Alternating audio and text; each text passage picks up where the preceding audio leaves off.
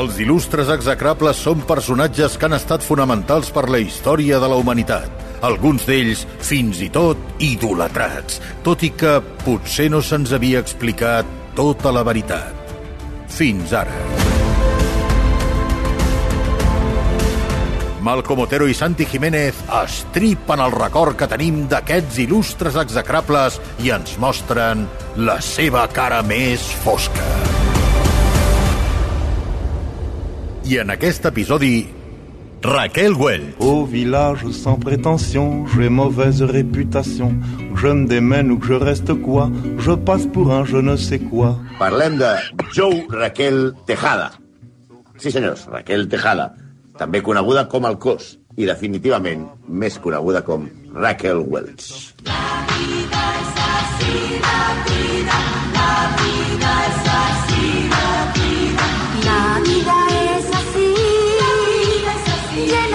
Hòstia, el recordo amb més, amb més orquestració, sincerament. M'ha semblat molt pobre ara mateix, sí. eh? Això, òbviament... Abans això... tot, els records. Sí, els, els records són millors que la realitat. No, això era, era si una vez el cuerpo humano. Ai, sí. El cuerpo humano, que és el cos, que és ella. Ah. Que era una sèrie collonuda, però amb aquesta cançó molt cursi. Molt, molt, molt, és una molt. així com si Pimpinela s'hagués pres un xupito de mimosín, no? Sí, sí, sí, sí, sí. Bueno, però anem a la nostra estrella d'avui. La seva mare era nord-americana. Deu dies, eh, fa que va morir. 10 dies. La seva mare era nord-americana i el seu pare... Encara, encara, no, encara no puc. No.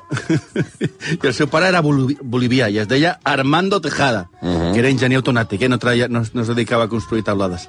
Aquesta és la primera cosa que crida l'atenció. Ella va mantenir en secret els seus orígens bolivians fins a molts anys després de triomfar al cinema. I això... Perdona, Malcolm, sí. que, que és un enginyer atonàutic.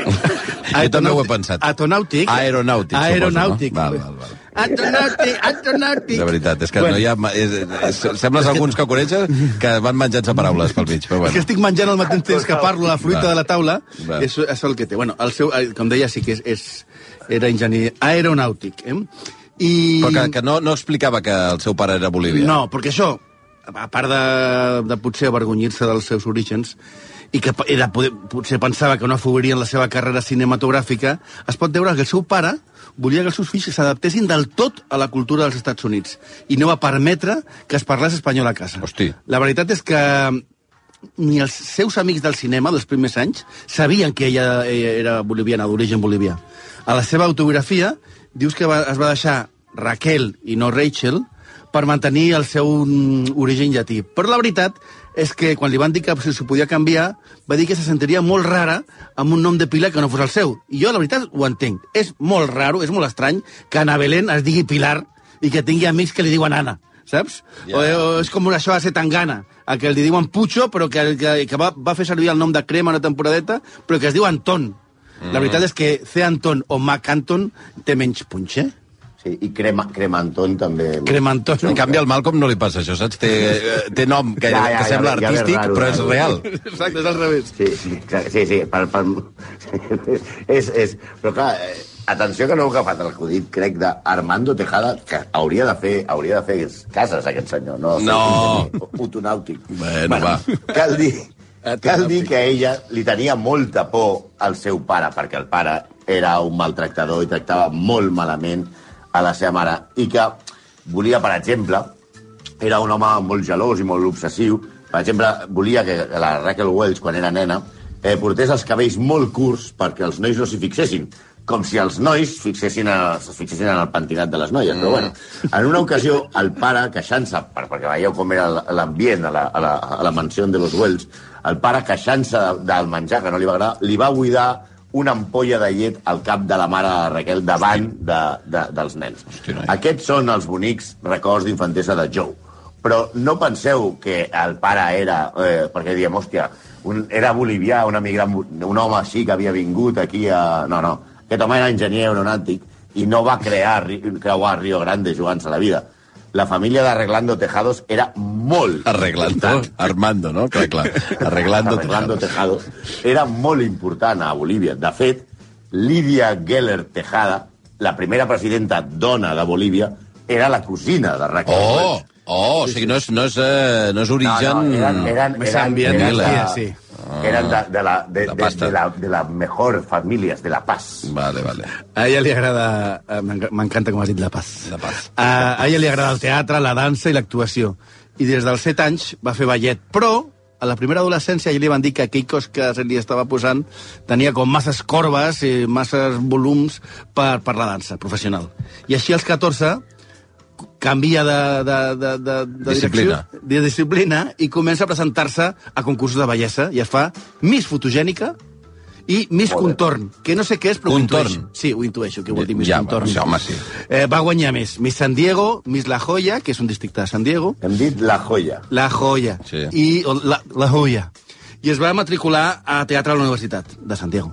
Allà es va quedar embarassada del seu xicot de l'institut i es va casar. El noi es deia James, i de cognom Welsh. Ah, I com és normal als Estats Units, la dona assumeix si sabeu el cognom del marit. Encara no era actriu, però ja era Raquel Welsh. Ah. Encara que li deien Rocky. hosti. Perquè Raquel en anglès, Raquel, Raquel, Rocky, Val, val. Rocky, Raquel. Però és previ, el de Welch és previ a dedicar-se al món de l'actuació. Sí, sí, sí. Això és per Sí, matrimoni. només quan era Miss Contorno.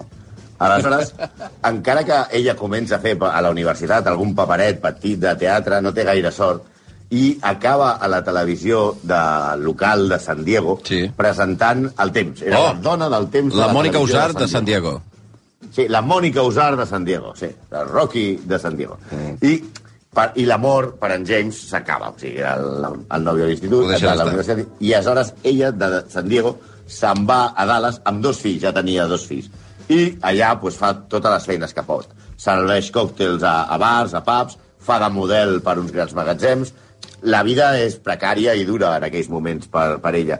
Però aquí arriba la part, aquella pel·liculera de que et descobreixen, de que ha nacido una estrella, tot això. De Dallas se'n va a Los Angeles perquè vol ser actriu.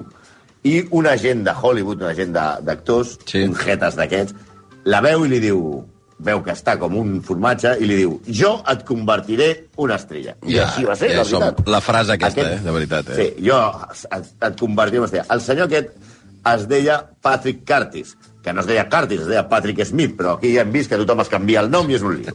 vale. Aquest home havia fet, havia treballat al cinema, havia fet un paper només al cinema, però amb una pel·lícula multipremiada i que coneix tothom. Ell va treballar a la, allò que el vent s'endugué. Oh. Concretament, ell feia el paper de bebè d'Olivia de Havilland. Ah, bueno. El paper ganador el feia, el feia perfecte, eh? Feia de Impecable. Estava, el tio ho clavava. Sí, sí, mètode, actor de mètode. Eh? És a dir, jo he actuat més que ell. Però bueno, és igual. No s'entén per què es canvia de nom. També hem dit que es deia eh, Smith i es passa a dir Curtis. És com allò, com si dèiem abans d'Anna Belén, ara és com Alejandro Sanz, que es diu Alejandro Sánchez. Home, si et canvies el cognom, et poses Eastwood, Stallone, però de Ara, Sánchez ara. a Sanz, bueno, és igual, el tema no té... No, és. Bueno, Curtis, o Smith, era un mentider i un manipulador, però molt, molt, molt ambiciós. I ja tenia un producte, que per cert es va convertir, a més a més, en el segon marit de Ah, Joe, s'hi va casar, eh? o de Raquel, o de Rachel, o de Rocky, o no me'n recordo ja com es deia la, de qui estem parlant. Eh? Benemérito? Benemérito Cuerpo. I pensava, dic, ara que ve... És el himne del cuerpo. Ah, el cuerpo de la Guàrdia Civil. Per cert, té un Aquesta vers... frase terrorífica d'aquestes coses que es deien de floretes, eso sí que és un cuerpo, no el de la Guàrdia Civil, doncs és aquest, el És aquest, Benemérito el Cuerpo. Sí, sí. Que, eh, pues, jo no coneixia la, aquesta magnífica cançó i sabia aquest vers famós que deia eh, Viva el rei, viva Espanya... O sigui, i, i, no, bueno, alguns que, que eren més, famosos, però aquest... Però Viva Espanya, viva el rei, viva l'orden i i la ley. ley. Exacte. Però aquí hi ha un que diu amor, lealtad y arrogancia ideales tuyos son. Arrogancia és l'ideal de la Guàrdia Civil. Ja sé que es refereix a valentia, però, a mi, si es sorprèn que un dia se'ls posa una mica xuleta a un agent, eh? heu d'entendre que ja surt del seu Bueno, clar, himne. fo- forma part del, Clar, del, del és- cos. eh, que l'arrogància està...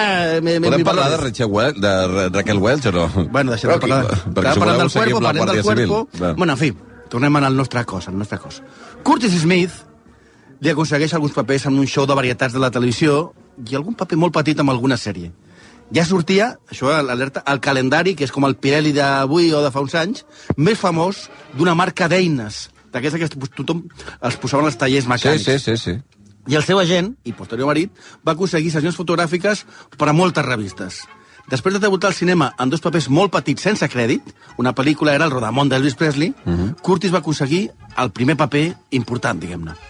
Sí, el seu paper més important, el primer paper important que la, la llença la fama, és en una pel·lícula molt simplona, molt, molt tonteta, una pel·lícula sobre festes a la platja del 1966 anomenada A, Swinging Summer.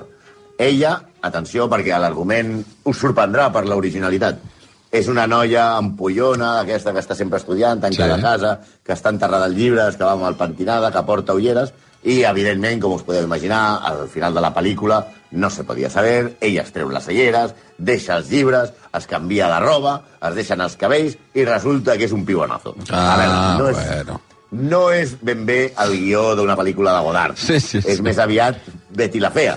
Però, bueno, no sé què és pitjor. Segurament les de, si ho fes Godard seria molt pitjor. Molt pitjor. I ara comença el que és bo. A la seva primera pel·lícula, amb una mica de text, a la seva primera pel·lícula de veritat. Sí. Tu què vas? Doncs vols caure bé, vas una mica de cura perquè ets nova, saps? Vull dir, és un entorn que no manegues...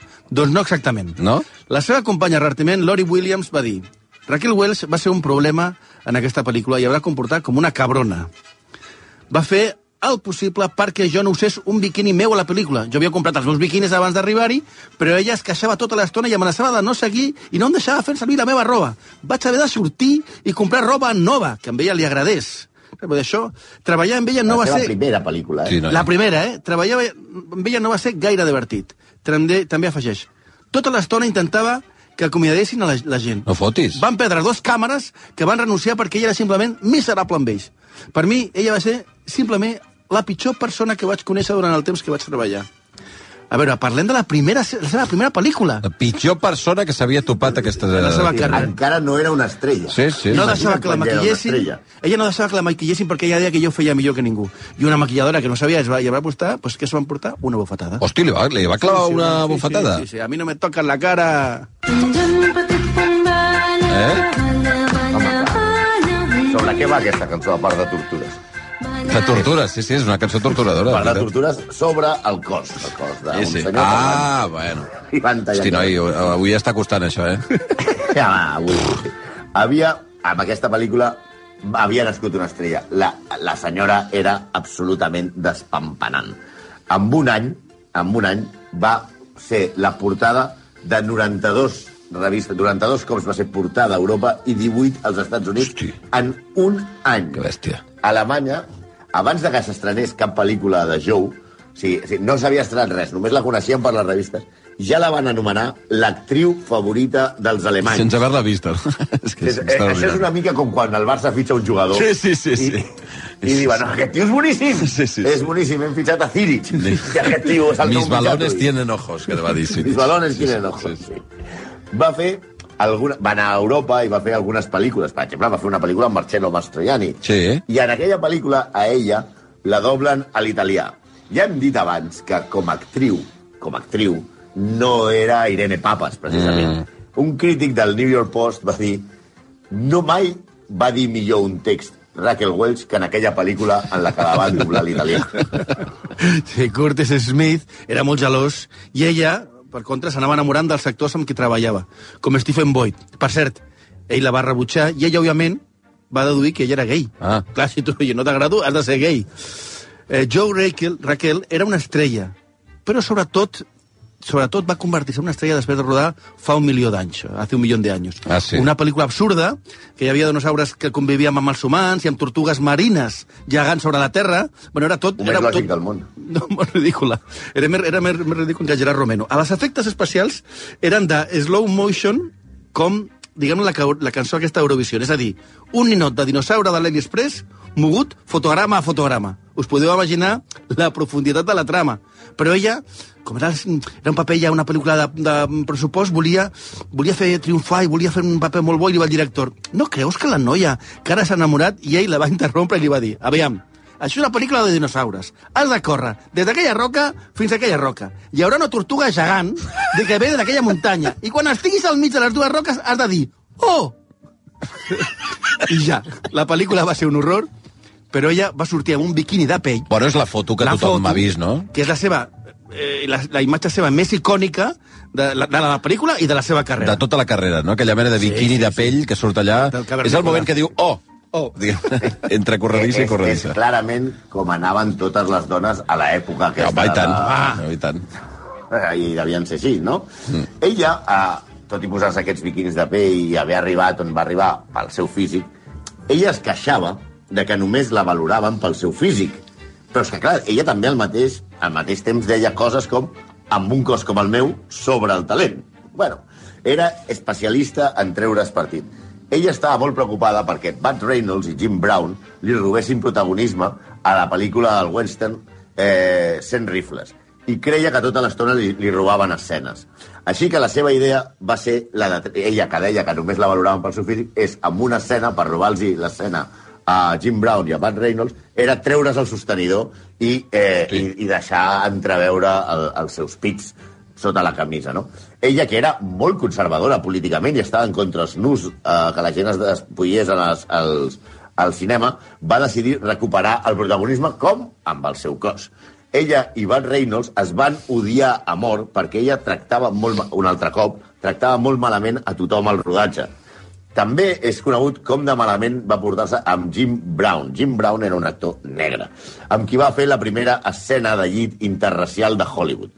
Hi ha moltes versions, però si hem de creure a Bud Reynolds, i Bud Reynolds no menteix mai, tot, el que, tot, tot bé, a la pel·lícula es va rodar el, a aquests westerns que es rodaven a Almeria. Sí, eh? I de camí van veure el doble de Jim Brown, l'actor de repartiment, que òbviament, si era el doble de Jim Brown, era negre també. I li van oferir pujar al jeep. I la Raquel va dir que de cap manera es pujava un negre en el seu cotxe, que a més era, no era ni actor, que era el doble. Jim Brown, que sí que era, anava en el cotxe perquè era protagonista, es va enfadar i la va acusar de racista. I la va fer baixar del cotxe i van pujar al doble i van deixar a Raquel Welch tirada, No. camí del rodatge, enmig Sí? del desert d'Almeria. I ella va haver de tornar a l'hotel caminant. A partir d'aquell moment, ella va exigir, sense que, es, sense que es veiessin, que quan fes una escena amb Jim Brown que necessités eh, contacte físic, sempre posessin una tovallola entre ella i el protagonista Oh. negre. Una tovallola. escenes I a les sí, perquè no el toqués un actor no de raça contacte. negra. Hosti. Sí, no sé ric, però a mi em fa pudor de racisme. Sí, de fet, ella estava molt dubtosa d'aquesta escena interracial perquè pensava que, bueno, que potser estava malament, no? Aquest rodatge té tela, t'he de dir. Tot just arribar a l'aeroport de Madrid, eh, amb aquest bon caràcter, que és una mena de Toni García Grunyón acabat de llevar, li va donar amb una ampolla de xampany a un fotògraf del diari Info- Informaciones. Òbviament el van enviar a l'hospital. Li, va- li, va- li van posar 12 punts al cap. Tu imagina't una ampolla de xampany. Ai. Eh, Va inaugurar-li el cap. Clar, si, si, si, si fos Sí, una ampolla de fa- Titanic. Ara. si fos una ampolla de Fanta, clar, una de xampany. Després, ja d'aquest incident, va arribar a l'aeroport d'Almeria. I també hi havia un fotògraf. I es va adonar que sortir la foto amb els seus nens tindria dos problemes. Primer, perquè gairebé els havia segrestat perquè ho havia fet sense el consentiment del pare. I després perquè ella ocultava els seus fills a la premsa. No ho negava, però intentava que no se sabés perquè, clar, un sex símbol amb dos criatures en aquella època pues, perdia una mica de, de, de sex appeal. Aleshores, en aquell moment, quan va veure que el fotògraf li feia una foto, en lloc d'una ampolla, què li va donar? Una entrevista exclusiva. Ah, No seria bona actriu, però tonta tampoc. home, no està mal jugat, eh? Sí. Ja, ja hem dit que en aquell rodatge, que, que aquest rodatge va tenir unes històries tremendes a Almeria, que la van deixar tirada, que ella va acusar que eh, es va comportar com una perra racista amb el Jim Brown i amb el doble, però tot i això, i tot i això, de que Curtis, el seu agent marit, era molt gelós, com hem dit, i la vigilava cada moviment, ella es va ficar al llit amb alguns membres del rodatge. Era una coproducció i participaven actors espanyols. I atenció, senyors, perquè no ho diríeu mai, amb qui es va ficar al llit i quin va ser el seu amant favorit durant aquell rodatge? No. Sí, senyors. A l'home Sancho Gracia, Curro no, Jiménez. No fotis. Sí, sí, sí, senyor. Sí, Curro no? Jiménez, Sancho Gracia, va ser nòvio de Raquel Welch. Clar, això eh, va arribar a oïdes de Curtis, que se'n va assabentar, i han dit que era molt gelós. I va sortir a buscar a Sancho Gracia amb una pistola pel carrer, disparant, pel, pel, pel, roda- pel set de rodatge, disparant, buscant matar a Sancho Gracia, que si se l'arriba a carregar no haguessin tingut mai Curro Jiménez. Imagina't, no eh? si van venir l'Algarrobo i l'Estudiante a salvar-lo. El que s'hauria perdut. Sí, es va, es va, es, s'hagués perdut una de les millors sèries de la història del cinema. Sí. Es va aturar, aleshores, eh, evidentment, el va detenir la Guàrdia Civil, no va arribar, la Guàrdia Civil, el cuerpo, salvó el cuerpo, i hores després va haver de tornar a detenir-lo perquè per- quan el van retenir, després va sortir de la garjola, va intentar tornar a matar a Sancho Gracia. Però en aquell moment ella ja estava amb un altre espanyol, havia deixat a Sancho Gracia, o Sancho Gracia havia dit, mira, nena, tu estaràs molt bona, però el teu marit està sombat i em vol matar. I, i, tampoc, I tampoc ens jugarem la vida. Aleshores va liar amb el almerienc Aldo Sambrell. Curtis era massa lent per ella. Raquel passava de pantalla abans que quan ella anava a matar un ja se l'havia Sí, sí, sí. I ja, sa- i ja anava per Ja està un per un altre. Sí, diu, però direu, ella era molt discreta? Doncs pues sí, senyora, ella era molt discreta en les seves qüestions extramatrimonials. Va declarar, no he presumit mai de mans famosos, malgrat haver conegut algun dels homes més desitjats del planeta. Però jo no vaig explicant les meves intimitats amb Elvis Presley, Bob Dylan o Marcello Mastroianni. Ah, o sigui, va fer la llista pública, eh? Sí, no està malament. O sigui, el Fari, quan explica allò de la Vaga- explicava allò de la Wagner, Sí. era bastant més discret. La, la, la, la veritat és que les anècdotes de Well com a mala persona són infinites. James Stacy explica que el guió havia de basar-la, i doncs després del corten, ella va escopir en disgust Oh. i li va fer mala cara. Després I- del petó. Sí, sí. Que ell va dir, era una persona horrible. Això ho diu James Stacy. Amb el director Leslie Martinson eh, es van portar tan malament que no es van parlar en tota la pel·lícula. Eh, també, també ella va fer que acomiadéssim el fotògraf Mark eh, Anstending perquè no li va agradar una fotografia que li, i la seva actitud amistosa. O sigui, era com simpàtic i això no li agradava. Els casos són, la veritat, infinits. Una anècdota molt sintomàtica és una recepció a Londres amb la reina d'Anglaterra. Ella es va posar un vestit blanc i va anar, es va anar movent, bellugant-se i fent buit fins que va estar molt a prop dels fotògrafs. Quan va passar la reina, la seva foto era, estava directa eh, pel- pels fo- fotògrafs i va ser la portada de tota la premsa anglesa. El seu marit, el Curtis, la va enviar als Estats Units amb el titular La recepció de la reina a Raquel Wells. Com si fos una reina, una, una recepció Clar, per ella, clar. i no genèrica. Ella era un bitxo, Home, encara, encara podia haver fet al revés. Raquel Wells fa una recepció Sí, a la reina la reina d'Anglaterra que ha vingut a d'Anglaterra, veure, sí. Ell, la veritat, ell era un bitxo, però ell era un manipulador de manual. I want you, I want you. Bon Nadal amb Freixenet Carta Nevada. Oh. Merry Christmas. Bon Nadal amb Freixenet eh. Carta Nevada. Parlava català, Ai, català. Parlava La català, era com catalana. Aquesta frase en català és de l'anunci de Freixenet de l'any 1985. Si el podeu recuperar, veureu que realment en aquella època tenia 45 anys i està... Sí, sí, una, seria, seria molt borde, però, però era un canó. Guapíssima, senyora, guapíssima, Està, sí. molt guapa. Està guapíssima, guapíssima, elegantíssima, està impressionant. A l'anunci canta, però no sabem si estava doblada, perquè molts cops ja hem explicat que la doblaven, com el, com a l'especial Raquel, on Tina Cole, ella cantava, però va ser la cantant Tina Cole que li va fer una mena de Milli Vanilli. O sigui, no, normalment quan cantava, mai cantava ella. Però la veritat és que va fer moltíssima publicitat. Ell, ella venia tot el que li diguessin. Per exemple, però eh, fins i tot a, a productes que no servien per res. Per exemple, un producte es deia Weight On, que era realment un fals remei per engreixar-se, per engreixar-se, no per aprimar-se, eh? Mireu com ha canviat el temps, era per engreixar-se. I, I a l'eslògan que deia, deia, no deixis que et diguin prima. Era una pionera de la, de la, de la primofòbia. Ella sabia que eren els productes que anunciava eren normalment eren una estafa. Eh, Però li pagaven. Eh, però ho explica clarament a les seves memòries. Ella deia que tant se valia enganyar l'americà mitjà si, a més, ella podia guanyar diners. També promo- promocionava, un altre dels productes estrelles que ella promocionava, era el coixí, el coixí de, per dormir, el coixí Raquel Wells. L'anunci Oh. deia, quin home no gaudiria de passar la nit amb Raquel Wells? Va. Després va desenvolupar una línia pròpia de perruques. També Oh, venia perruques. Sí, sí, ella no les feia servir mai, però estaven inspirades en els seus cabells. I també va fer pues, res, llibres de fitness, productes de bellesa, de bellesa natural, perquè a les entrevistes sempre deia que mai no s'havia operat. Però a veure, si veiem les fotos des de que era nena, adolescent, jove i benescent, es delata que sí que es va operar. O s'ha operat o s'ha mocat molt fort, perquè aquests pòmuls i aquest nas no eren els seus. Va inflar galtes. Sí, per cert, si voleu sentir-la cantar de veritat, hi ha el vídeo que va fer a Vietnam, que sonant amb minifaldilla i tal, canta pels soldats i, i veus realment com canta, que és una mica pobrós. La seva última gran pel·lícula va ser mm, Mira Breaking, Ditch, Break, Breaking Breaking Bridge. Bridge, que és, això és una novel·la de Gore Vidal, i ella interpretava una Bueno, dona... Vidal està sortint molt últimament, eh? Sí, l'hem de fer un exacte. que- Interpretava una dona trans. Aqu- Aquesta és una novel·la molt complexa de Gore Vidal.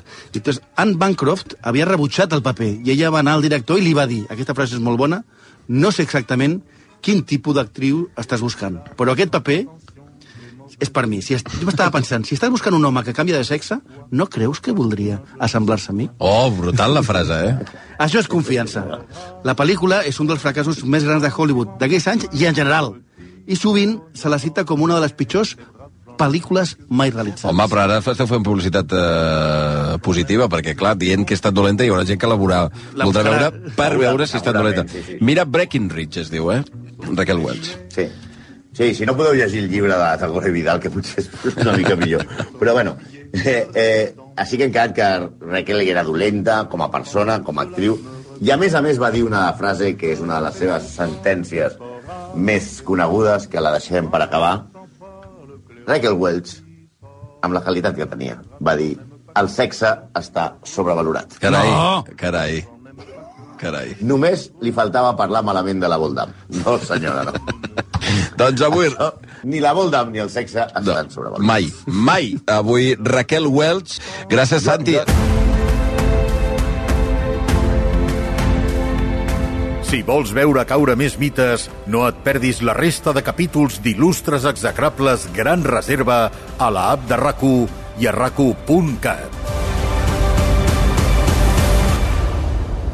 Il·lustres execrables és una secció habitual del programa Via Lliure amb Xavi Bundó.